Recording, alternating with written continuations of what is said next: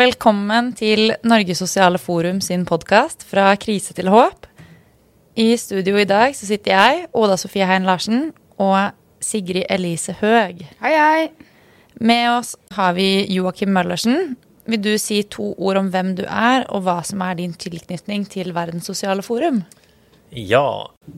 Jeg sitter som redaktør i Radikal portal, og så var jeg fire år i styret i Attack, hvor jeg var nestleder i et par av dem. Eh, og så er jeg også nå eh, begynt i partipolitikken. Eh, ai, ai, ai.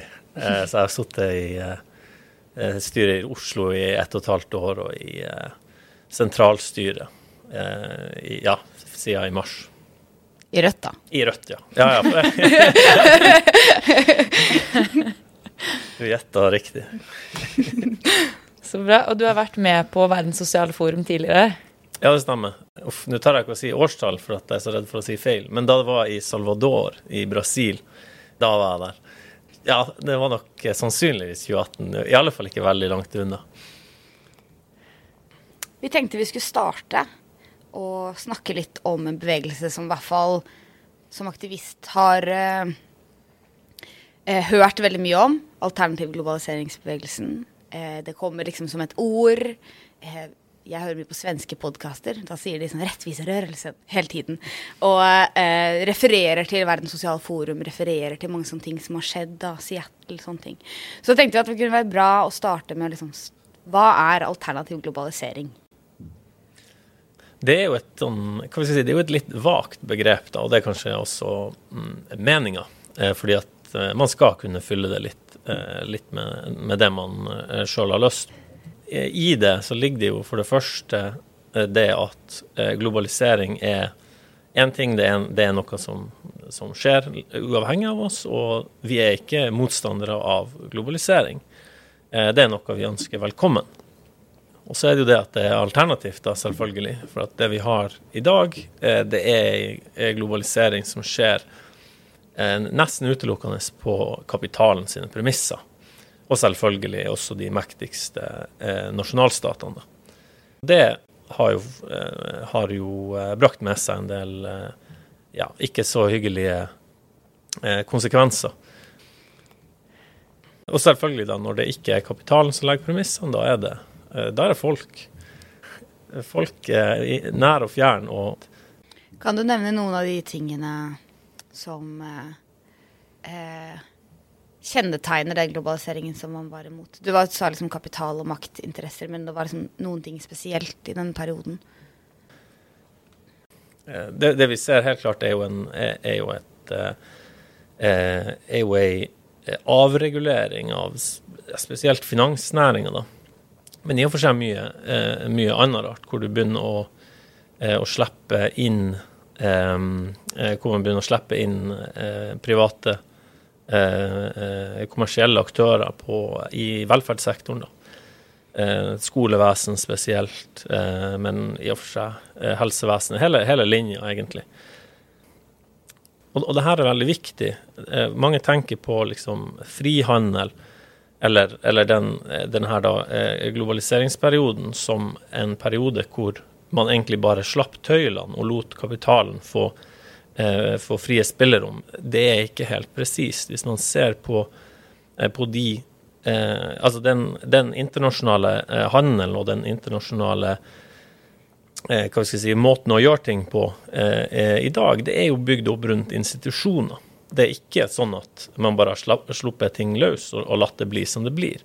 Til institusjoner som eh, eh, Det internasjonale pengefondet eller IMF, eh, Verdensbanken, eh, Verdens handelsorganisasjon, eh, så har vi senere sett eh, forsøk på, på avtaler sånn som TISA og TTIP Eh, men, men det, er, det, er veldig gode eksempler på at, eh, på at den, den globaliseringa den har ikke skjedd ved å bare slippe til kapitalen. Det her har vært nøye regulert hele tida. Det er ikke bare sånn at, eh, at staten har, har skal vi si, regulert handelen og, og investering og sånt. Men det at du har internasjonale institusjoner, internasjonale avtaler som også regulerer statene veldig nøye. Hva har statene anledning til å gjøre? Eh, og det er jo eh, innenfor staten, enten i staten eller enda mer lokalt, at eh, de fleste eh, opplever demokratiet. da. Sånn at, eh, sånn at, det man har endt opp da, utvilsomt hvis du sier at staten, om det er Norge eller om det er Chile eller et, et, annet land, kan ikke eh, f.eks. Diskriminere når det kommer til hvem som skal investere, kan ikke sette opp og ned tollbarrierer, kan ikke, kan ikke beskytte landbruk eller industrien. Det du gjør, du, du setter jo skranker, du, du begrenser jo hva det er demokratiet i, eh, i de landene eh, kan gjøre. Og, og, og sånn sett eh, så har du et, et, et, internasjonalt regime bygd opp av stater, men som har veldig liten demokratisk legitimitet. som igjen begrenser demokratiet i, i nasjonalstatene. En veldig god forklaring på nyliberalismen og også noe som jeg tror det som vi skal få høre Helene Bank snakke om nå, om Verdens sosiale forum, var viktig der, var nettopp å skape en felles analyse som gjorde at man kunne kritisere den økonomiske eh, politikken man hadde overfor eh, det globale sør, men også i sine egne land.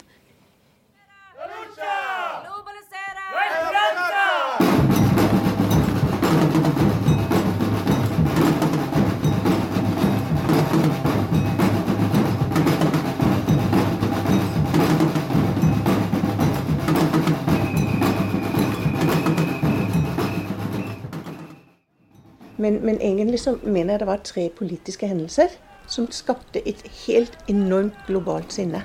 Det var vannkrigen i Kokobamba. Det var, eh, det var Hva heter det den eh, patent- og hiv-krigen i Sør-Afrika. Og så var det, det den hva heter det, Mai-avtalen, investeringsavtalen, ikke sant? som alle sammen plutselig liksom sånn globalt gjorde folk veldig rasende. Og alt var jo egentlig på en måte lokale, samtidig grunnleggende solidariske. Dette er Helene Bank. Hun har vært med å opprette Norges sosialforum, og var selv med på det første møtet i Verdens sosialforum i Puerto Alegre. Gjennom sitt arbeid i For velferdsstaten og andre organisasjoner har hun i en årrekke jobbet med internasjonale spørsmål og analyse som fagperson. Spesielt har hun jobbet med å bygge allianser. Men hva var det med akkurat disse tre hendelsene Helene forteller om, som fikk så stor betydning? De tre tingene ga en sånn Her har du store selskaper, og du har globale institusjoner som står sammen mot folk, mot miljø, mot vann, mot eh, menneskerettigheter, mot helse, mot demokrati. I 2001 gikk et av vår tids viktigste møter av stabelen i Porto Alegre i Brasil. Etter flere år med politiske kampsaker som hadde nådd et internasjonalt nivå, var organisasjoner fra hele verden klare til å samles og vise sin motstand mot den økonomiske globaliseringen, utnyttingen av det globale sør og udemokratiske prosesser. Og det er ikke det sånne hendelser er nye, men det var også noe med at de ble spredt i ekspressfart. Hvorfor spredde det seg så fort? Det var da hold dere fast. Internettet var helt nytt! Ikke sant? Og det er jo det sprøeste av alt. Men når Mai-avtalen ble liggende på nett, og vi kunne lese den alle sammen Vi hadde e-post, og vi kunne sende ut. Vi slapp telefakser og post og liksom alt sånt annet. Så kunne vi samle oss veldig mye fortere om felles uttalelse, felles strategi. Internett hadde ikke bare gjort det lettere å skape strategier over landegrenser og hav men også koordineringen av fysiske møter i stor skala ble lettere. Samme dato som Verdens økonomiske forum møttes i Davos, møttes hele verdens sosiale bevegelse i Porto Alegre. For når du spør hvem var der, kan ikke si alle som ikke var på World Economic Forum, var der. Det var den brasilianske delstaten med minst penger. Men de hadde satt et internasjonalt eksempel med sitt prosjekt med deltakende budsjettering. Helene mener det ble akkurat der, fordi Brasil hadde mange av de store sosiale bevegelsene og en progressiv delstat som Porto Alegre. Men også noe mer. Så jeg tror det ble akkurat der fordi det var en latinamerikansk eh, tradisjon for aktivisme og måte å møtes, men dette var blitt globalt. Det var så mange folk. De var tett i tett i tett, og likevel så var det plass til oss. Altså De klarte å få leid inn her og leid inn der, og ordne med busser. Og, og det var jo, det var jo det var store telt, og det var liksom sånn eh, Og det var på en måte fester i det hele tatt. Det var demonstrasjoner gjennom byen som jo var som festivaler. Vi gikk i en i, en sånn, eh, i, sånne posisjoner? Og med plakater. Og latinamerikanerne, de kan jo I Norge har vi sambatak. Ikke sant? Latinamerikanerne de kan det hele tida. Det er rytme, det er musikk, det er trommer, det er slagord. Eh, og da gjennom, eh, gjennom byen. Til møtet kom det mange tusen mennesker fra hele verden. Selv om det var store mengder folk, var det plass til alle. Det var blitt leid inn telt og busser, og alle kriker og kroker av byen var blitt tatt i bruk. I løpet av forumdagene ble det arrangert demonstrasjoner, verksteder og fester. Allikevel var høydepunktet de store møtene, hvor alle de mange store navnene kom for å snakke og holde flammende innlegg og foredrag. Og så var det, eh, så var det veldig sånne store møter. Altså det var virkelig, Dette her var jo det som på godt norsk heter teach in. Altså det var dyktige folk som holdt foredrag, analyser, det var debatter, man kunne stille spørsmål. Og, og, det var jo mange som kom og aldri hadde møtt en sånn analyse av maktforhold i verden. Av uh, den, den uh, si, globalisert, finansialisert økonomi. Og her kom liksom virkelig sånn big shots uh, fra, fra hele verden og snakka. Og Lula kom der. Og da kan man lure på liksom denne sangen til, til, til Eggum om hvor er alle helter hen. Der lurte vi ikke. Lula i Brasil var helten. Én ting husker Helene ekstra godt. Det var solidaritetsmarkeringen. Vi ble bedt om å holde å ta med stein hver især hjemmefra. Skrive et solidaritetsbudskap. Og på en plass i eh, Porto Alegre så ligger det stein støpt ned fra hele verden i en nydelig krans. Ikke sant? Solidaritet. Bildet av steinkransen ble brukt som plakat på globaliseringskonferansen som skulle gå av stabelen i Norge samme år. Det var ikke den første konferansen i sitt slag her hjemme. Så vi, vi lagde fellesallianser i Norge på tvers av fagbevegelse, miljøbevegelse, sivilsamfunn, Forum for utvikling og miljø, og et sånt eh, nettverk som var laget da allerede for å stille eh, litt sånn systemkritiske spørsmål. Og vi lagde da først nettverk mot Mai, siden nettverk mot markedsmakt. Og vi lagde da felles konferanse før Verdens sosiale forum hadde invitert til det første møtet. Så hadde vi en felles konferanse i Norge. Så det var helt naturlig at vi ble etter hvert en del av den globale bevegelsen. For sånn har vi vært. Eh, å ha en sånn alliansebygging som også gjorde at vi var en svær gruppe på tvers av alle.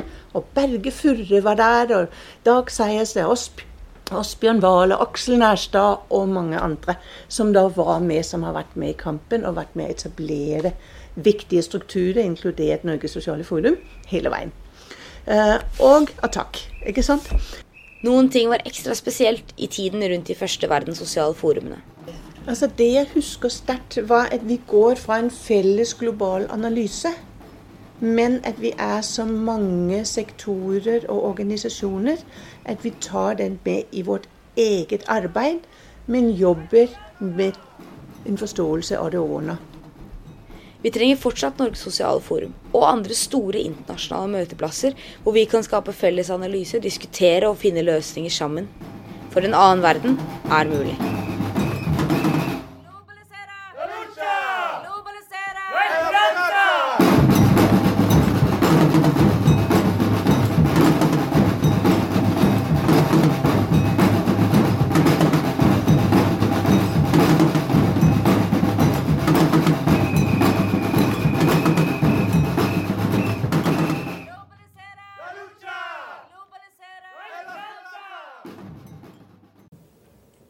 Denne reportasjen er laget av Sigrid Elise Høeg og Oda Sofie Hein Larsen. Nå skal vi gå litt eh, dypere inn i hva det var eh, alternativ globaliseringsbevegelsen fikk til.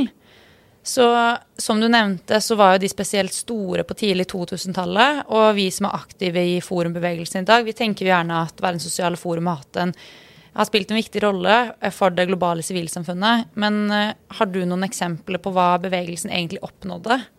Eh, TISA-avtalen, den er død. Den, eh, den, ble ikke gjennomført. Og Hva var TISA-avtalen? Ja, beklager. Nå skal ikke være for intern. TISA står for Trade in Services Agreement. Eh, så det her var, et, eh, det her var en eh, såkalt handelsavtale, kan vi si, som skal skje mellom omtrent 50 land, hvis jeg ikke husker feil. Å kalle for handelsavtale er litt, er litt misvisende, men, men, greit nok. Hvor du skal regulere tjenestesektoren og det er jo da i motsetning eh, til eh, det som er fysiske produkter, ikke sant. Så en tjeneste er alt fra en, eh, at man klipper håret sitt til, til Og spesielt da velferdstjenester inkluderes i tjenestesektoren. Men også, også, bank og finans. Det er ganske svært, svært felt, da. Men da skulle man da ha en internasjonal avtale for regulering av av tjenestesektoren, også for investeringer i tjenestesektoren. Eh, en av de, de mest eh, ja, de, En av de mest heftige eh, greiene der var jo, at, eh, var jo, at, når du først har liberalisert en sektor, f.eks. la oss si at, at eh, vi under forrige regjering ville ha eh, anbudsregime for jordmortjenester, la oss si da er avtalen, eh, eller den avtalen som aldri ble noe av, den var laget på en sånn måte at eh, da kunne aldri noen reversere det. Så da er, har du en sånn eh, privatisering eller kvasiprivatisering av, av da jordmortjenester, f.eks., som da per den avtalen aldri, aldri kan sies opp. Du har selvfølgelig anledning til å gå i mer eh, markedsretta retning, da, men aldri mindre. Så du binder deg til rett og slett å gi eh, mer og mer av samfunnsstyringa til kapitalen, til at større og større deler eh, av samfunnet eh, styres av profittmotivet, og da også hvor eh, Ja, med, med de konsekvensene det får for de tjenestene, men også for alle de som jobber i de tjenestene, og som jeg var inne på, også for, for demokratiet. For at jeg sa, sa tidligere at, at de her internasjonale institusjonene, men også da handelsavtalene, har lite demokratisk legitimitet.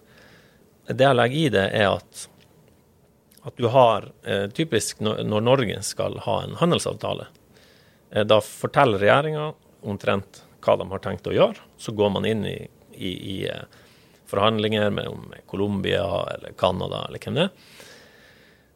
Og, og, det er et veldig sånn vagt mandat da, eh, man har. Man går inn i de forhandlingene, og så kommer man ut derfra noen måneder senere med en avtale. Og da legger man den fram for Stortinget, og da er det ja eller nei. Det er ingen muligheter for, eh, for, å, eh, for å, flikke på noe eller for å justere, eh, justere på noe. Man har i praksis ikke, ikke inkludert eh, noen andre enn en veldig, veldig lukka krets. Eh, og, og, sånn skjer det med veldig mye politikk på den internasjonale arenaen. Handel, investeringer, ja, men også når det kommer til krig og fred. Det er også et ekstremt eh, lukka område.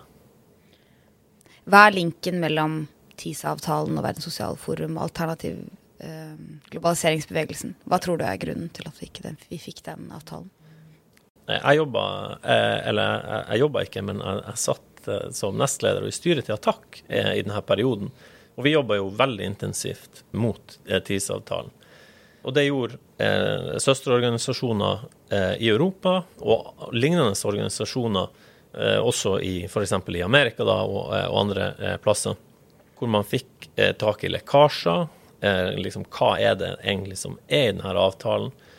Og når de lekkasjene eh, kom ut, når vi gjorde vårt for å spre innholdet, arrangere demonstrasjoner, rett og slett skape oppmerksomhet rundt, rundt hva, hva, det her var. Jeg kan jo legge til at media var ikke sånn veldig interessert i, i å skrive om de her tingene. Men eh, gjennom det her, denne typen eh, aksjonisme, da, eh, så, et, så skapte man en opposisjon. Den opposisjonen ble gjentatt inn til det parlamentariske, hvor partier begynte å bry seg. Også hvor eh, fagforeninger har gjort en kjempe, eh, kjempejobb i denne saken og begynner virkelig å legge press. Og da ble det litt vanskeligere for det ene og det andre og det tredje landet å gå med på eh, alle, eh, alle, eh, alle, punktene i den avtalen. Eh, og jeg mener at det var helt avgjørende for at det ikke ble noe av det. Selv om eh, ikke så mange kanskje kjenner til eh, TISA i dag, eh, tenker jeg at eh, fortsatt er et godt eksempel på den konflikten mellom privat og offentlig eierskap som vi har sett eh, i stor grad en lang tid. da. Og eh, et annet eksempel som vi diskuterte før du kom, var hvordan den globale oppfatningen om hva som skal kunne privatiseres, har flyttet seg utrolig mye bare de siste 20 årene. Som i Bolivia, hvor det multinasjonale selskapet Bechtel fikk kjøpe vannressursene i delstaten Cochabamba etter at IMF og Verdensbanken krevde privatisering av vannressursene i bytte mot lån. Så den avtalen den endte jo opp med å måtte trekkes tilbake etter voldsomme protester globalt og generalstreik i Bolivia, og selskapet endte til slutt opp med å måtte trekke et 50 millioner dollars eh, søksmål mot den bolivianske staten i 2006 men det virker jo helt søkt for oss i dag at noen skal kunne foreslå å privatisere tilgangen på vann. Så jeg tenker dette sier noe om hvor langt vi faktisk har kommet, selv om det ikke alltid kan føles som ting beveger seg i riktig retning. da.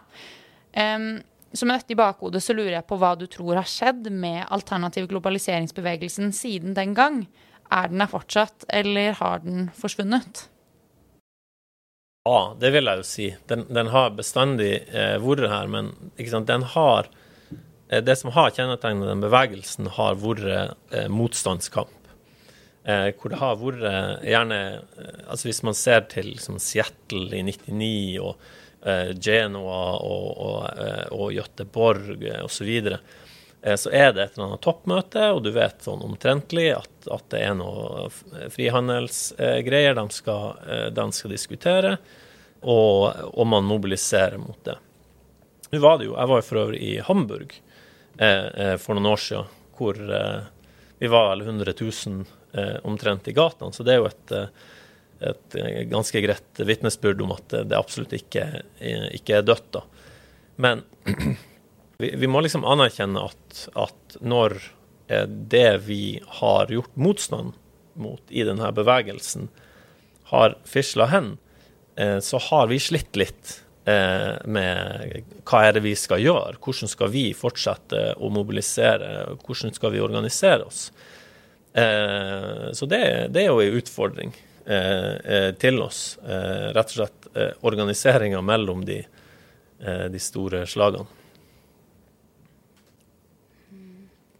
Jeg syns det er kanskje en bra beskrivelse å komme litt inn på det som jeg sjøl har tenkt, da. At man hadde liksom en protestbevegelse i mange land og knyttet til toppmøter, knyttet til Verdens sosiale forum. Man hadde liksom både positive og negative protester, da, enten for å styrke seg selv eller vise sin motstand mot noe, som var veldig store. Uh, og så gikk det liksom litt over kanskje i partipolitikken. Man så resultater av noe av denne bevegelsen i Latin-Amerika fikk oppslutning i valg. Man så det i Hellas, man så det i Spania, at noe av de samme tingene eh, oppsto og ble liksom formalisert i, i, partier og partipolitikk.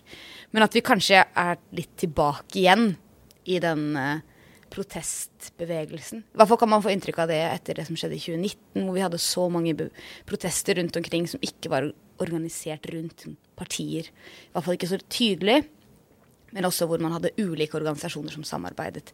Chile, Libya, Irak. Eh, og også under pandemien så har vi sett en del oppblomstringer av det samme som Black Lives Matter.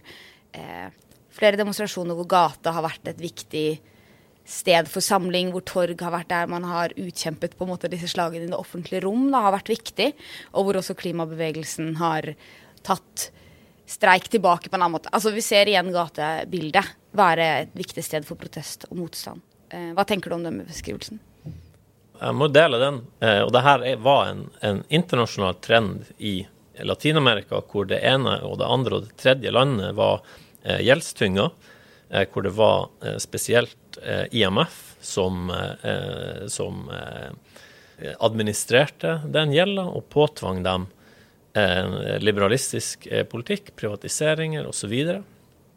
Eh, og så fikk det sitt mest groteske utslag i, i Bolivia, eh, hvor de skulle privatisere vannet av alt. Argentina er jo kanskje det, det andre veldig store og mest berømte eh, eksempelet, men, men, vi har før det også. Hugo Chávez vant jo valget i, i Venezuela i 98 jo, du hadde jo Ja, ja, ja. Eh, det som kalles for eh, El Caracaso, som underlig nok ikke er spesielt eh, berømt, men det skjedde samme året som massakren på Den himmelske freds plass. Omtrent like mange mennesker som ble drept.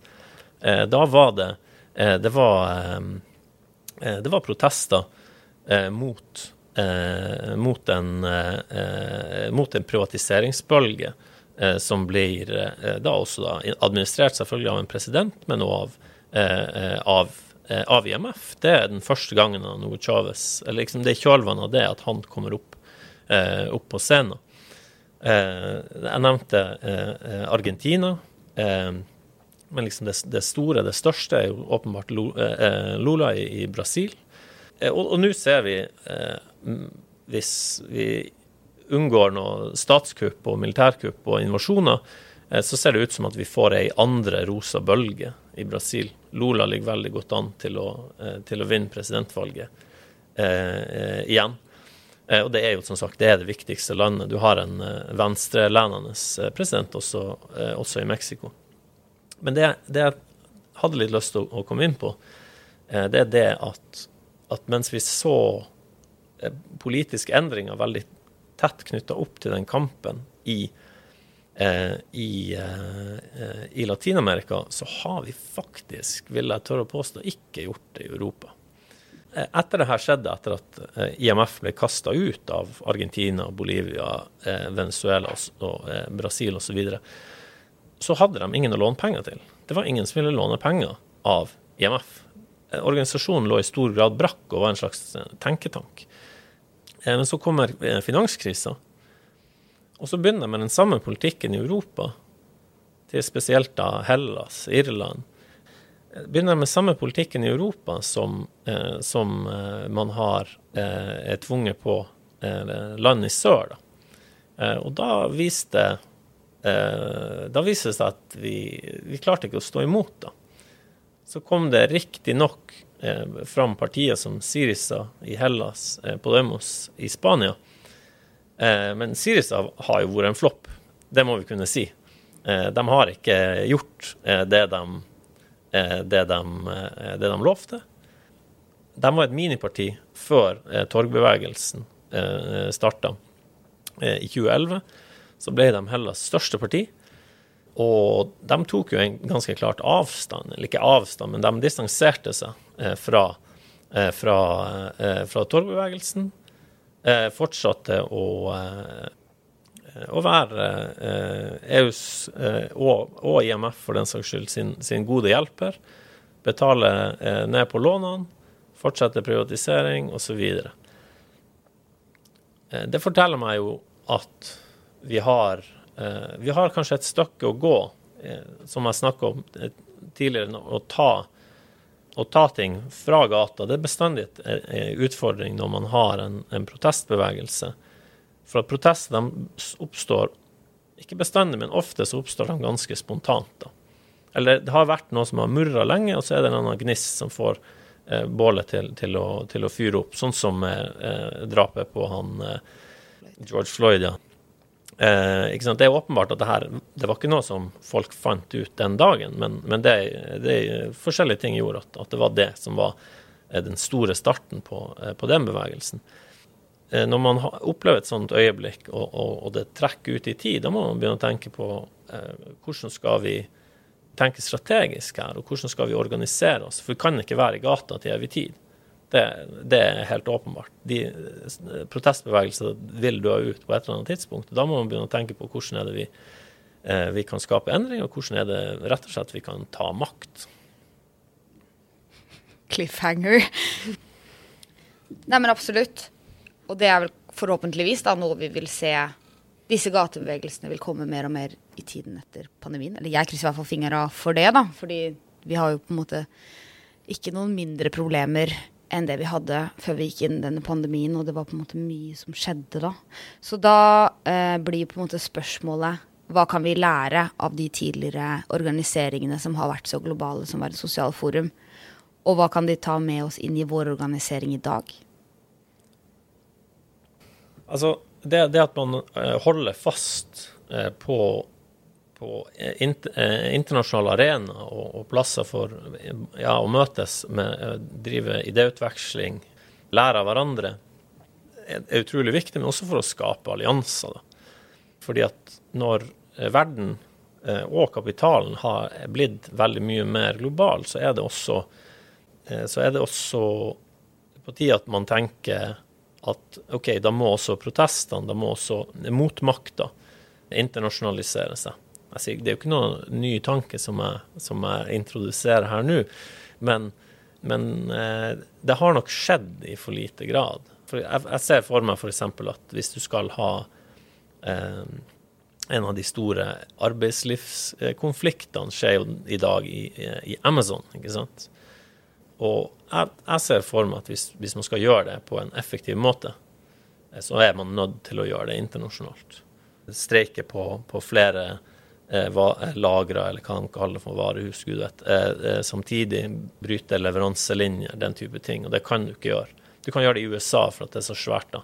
Men i Europa så må du, eh, må du koordinere, gjøre det i flere land samtidig.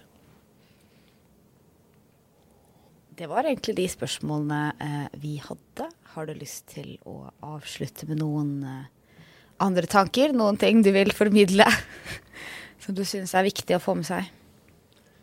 Jeg har egentlig lyst til å, eh, å si at eh, jeg er utrolig glad for at, eh, at Norges sosiale forum, globaliseringskonferansen, fortsatt eksisterer. Det har det jo ikke gjort. Lignende forum i andre land har jo ikke holdt det gående. Men det er jo en av de en av de viktigste konferansene på venstresida. Spesielt veldig mange unge folk kommer og, og, og formes politisk på konferansen, og selvfølgelig det de, når de tar ting med seg hjem og, og jobber i, i sine eh, lag eller eh, partier, organisasjoner, der de, eh, der de, kommer fra. Det å opprettholde det internasjonale perspektivet også i en tid hvor ting er litt mer lukka, litt pga. en pandemi som vi kanskje er i ferd med å gå ut av, litt fordi at, eh, fordi at eh, det, du har en sånn liten konflikt eh, gående, spesielt mellom eh, USA og Kina, da, men som gjør at, at det, kan være at, at, vi går mot litt mer lukka tider, da, og hvor den, hvor, eh, hvor den internasjonale handelen begrenses litt pga. det, fordi at man vil ha eller enkelte mektige aktører vil ha mer kontroll over eh, hele produksjonslinja. Vil ikke Hvis man ser for seg at man er mer uvenn med Kina, så vil man ikke at Kina skal eh, produsere altfor mye av det man forbruker. Eh, da blir man sårbar. Men, men også i den, den situasjonen, da, eh, at man kan eh, At man, man, opprettholder internasjonalismen. Man, eh, man fortsetter å bygge den og utvikle den, tror jeg er utrolig viktig. Så Derfor er globaliseringskonferansen eh, så bra og så eh, flott at det eh, fortsetter. Tusen takk til deg, Joakim, og tusen takk til dere som hørte på. Dette er jo en slags oppvarmingsepisode til globaliseringskonferansen som er i Oslo 19.-21.11. Skjer på Jakob kirke og Doga, så vi håper å eh, se dere lyttere der. Eh, dagens produsent var Sara Andersen Vågenes, og vi får lov til å låne Manifestets studio, og det sier vi tusen takk til.